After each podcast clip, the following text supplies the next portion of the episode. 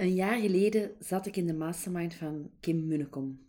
En zij daagde ons uit om een commitment van een jaar aan te gaan, met als doel om na een jaar financieel vrij te zijn. Ik voelde aanvankelijk heel veel weerstand bij die challenge. Want ik had al, een, ik had al ervaring met zo'n jaar, zo'n commitment van een jaar. In mijn eerste jaar van Office Confetti ben ik namelijk gedurende een jaar elke dag zichtbaar geweest op Facebook. Dat heeft mij heel veel gebracht.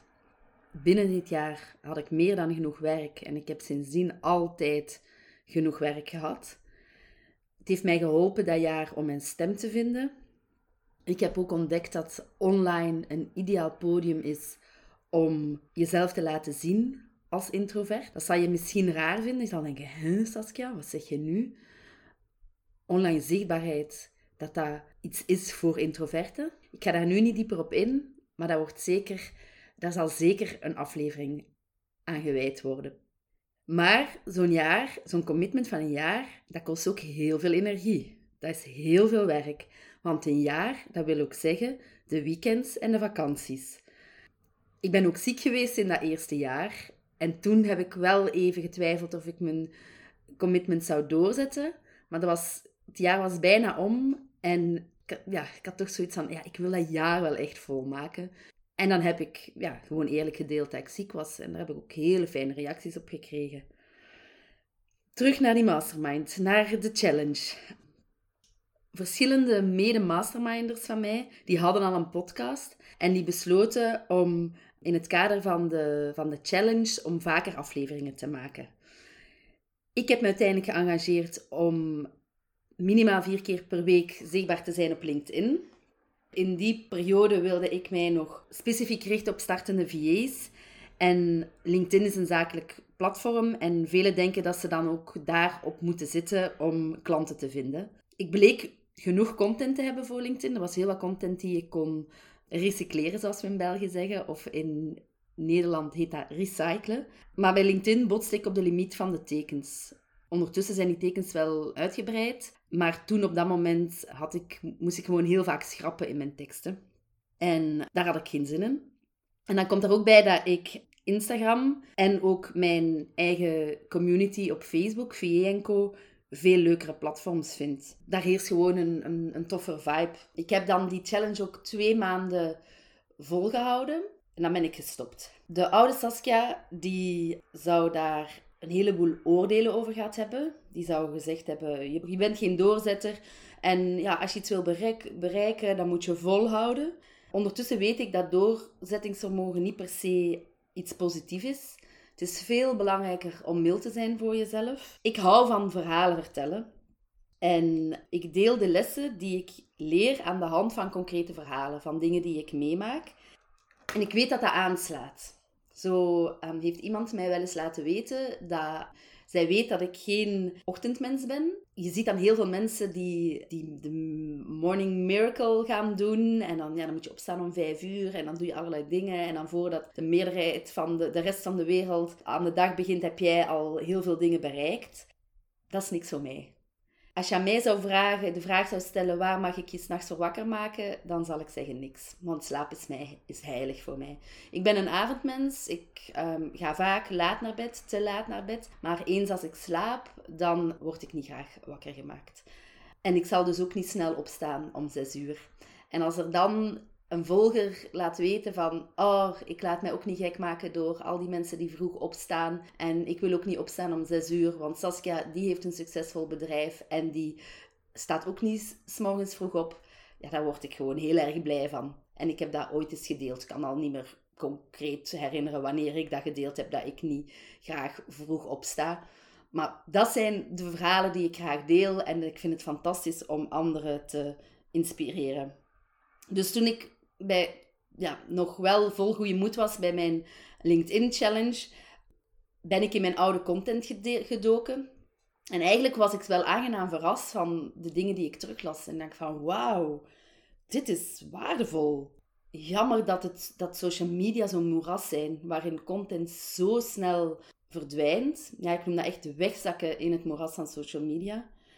En ik voelde echt het verlangen om ja, daar is eigenlijk het zaadje geplant om duurzamere content te willen gaan maken.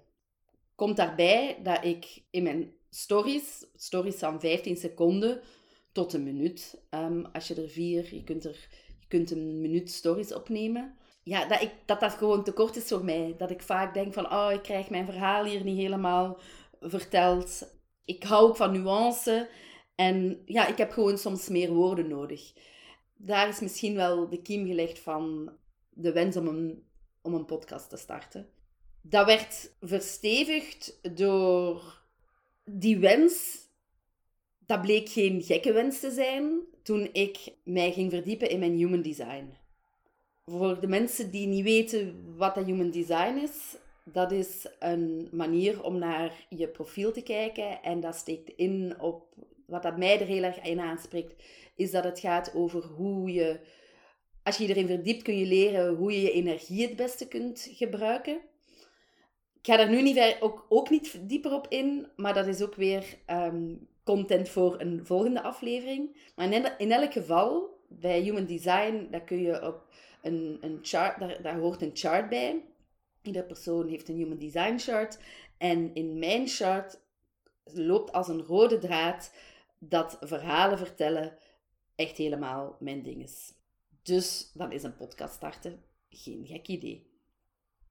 Begin dit jaar, begin 2021, heb ik dat verlangen alles uitgesproken.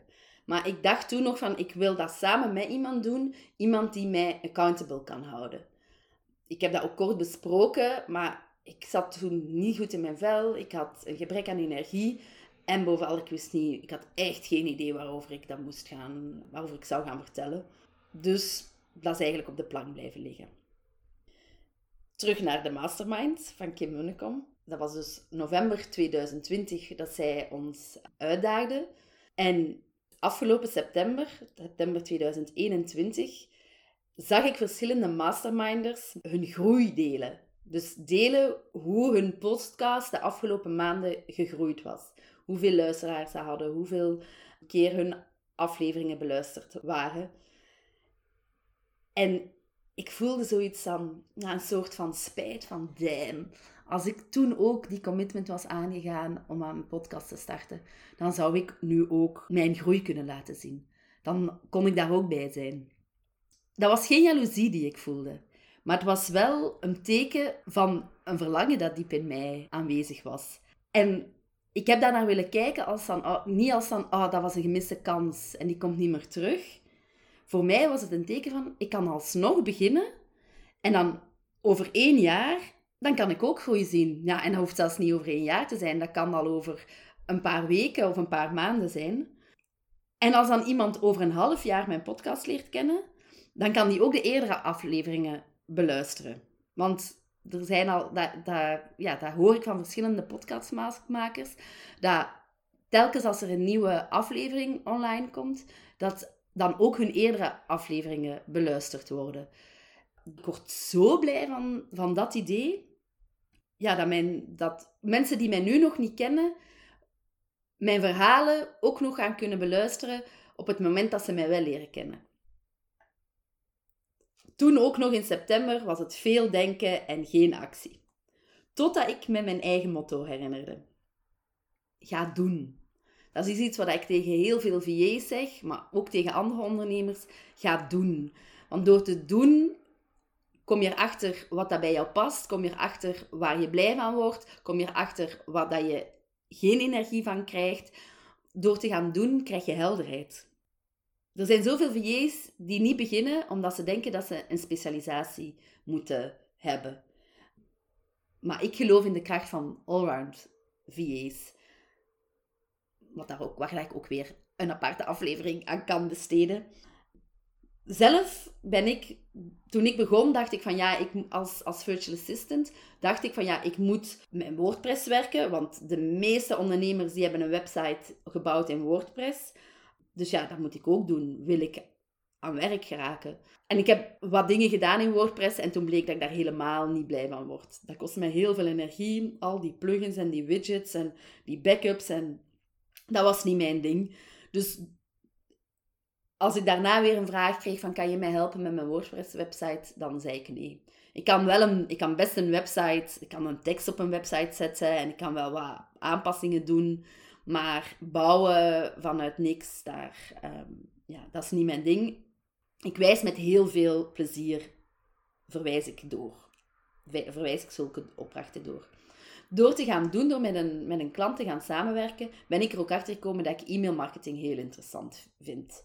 Um, dat had ik nooit kunnen bedenken als ik was blijven zitten op mijn stoel en was gaan zitten denken voordat ik startte van oké, waar wil ik mij specialiseren? Dat, ja, dan, hoe je het ook draait of keert, je neemt dan je ervaringen van, ja, meestal, de meeste van, ons, van de VA's die beginnen toch, die worden VA nadat ze in loondienst geweest zijn. Dus ja, dan ga je toch je ervaringen in loondienst meenemen. Ik had in loondienst nog nooit van e-mail marketing gehoord of van online marketing ik ben heel blij dat ik gewoon begonnen ben en dat ik mezelf neergezet heb en dat ik me als allrounder aan de slag gegaan ben en dat ik zo e-mailmarketing heb ontdekt en online marketing. Dus door te gaan doen. Ik zie ook heel veel ondernemers denken van, ah, ik zou hulp moeten aanhaken, maar ze blijven toch zelf de dingen doen, want ja, dat kost even wat werk en ja, allemaal um, belemmerende overtuigingen in hun hoofd van, oh ja, als ik, ja, dat, dat, dat kost heel veel werk om iemand in te werken en als dat dan niet meevalt en als ik, ja, en ik kan het, ik weet het allemaal hetzelfde het beste en, oh nee, ik doe het maar even gewoon snel zelf. Dat ben je ook aan doen, maar ik heb deze overtuigingen ook gehad. Ik wilde een stukje van mijn administratie uitbesteden. En dat heeft echt een vier, vijftal maanden geduurd voordat ik eindelijk de stap gezet heb. En eindelijk dan op papier heb gezet van oké, dit zijn de stappen. Zo moeten die facturen verwerkt worden. En dit zijn de inloggegevens. En, oh, en dat was zo fijn dat de maand daarna ik dat niet meer zelf hoefde te doen.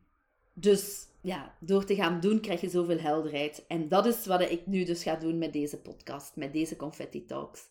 Het is mijn voornemen, mijn commitment, om elke twee weken een nieuwe aflevering te publiceren. Volgens de regels van de marketing zou ik dan een scherpe pitch moeten hebben, waarin ik duidelijk en kort en bondig verwoord voor wie deze podcast dan exact is en wat je hier kunt komen halen. Maar, surprise, surprise, die pitch die heb ik niet. Nog niet. Ik wil verhalen gaan delen. Verhalen vanuit mijn eigen ervaring. Ik heb vijf jaar gewerkt als virtual assistant. Daar kan ik een heleboel over vertellen. Ik heb een grote VA-community op Facebook. Ik heb met heel wat hele fijne klanten mogen samenwerken. Ik hou van mezelf positioneren. Ik hou van meedenken met anderen. Ik hou van anderen uitdagen, triggeren, schijnbare vanzelfsprekendheden in vraag stellen. En met mijn verhalen wil ik die mensen bereiken.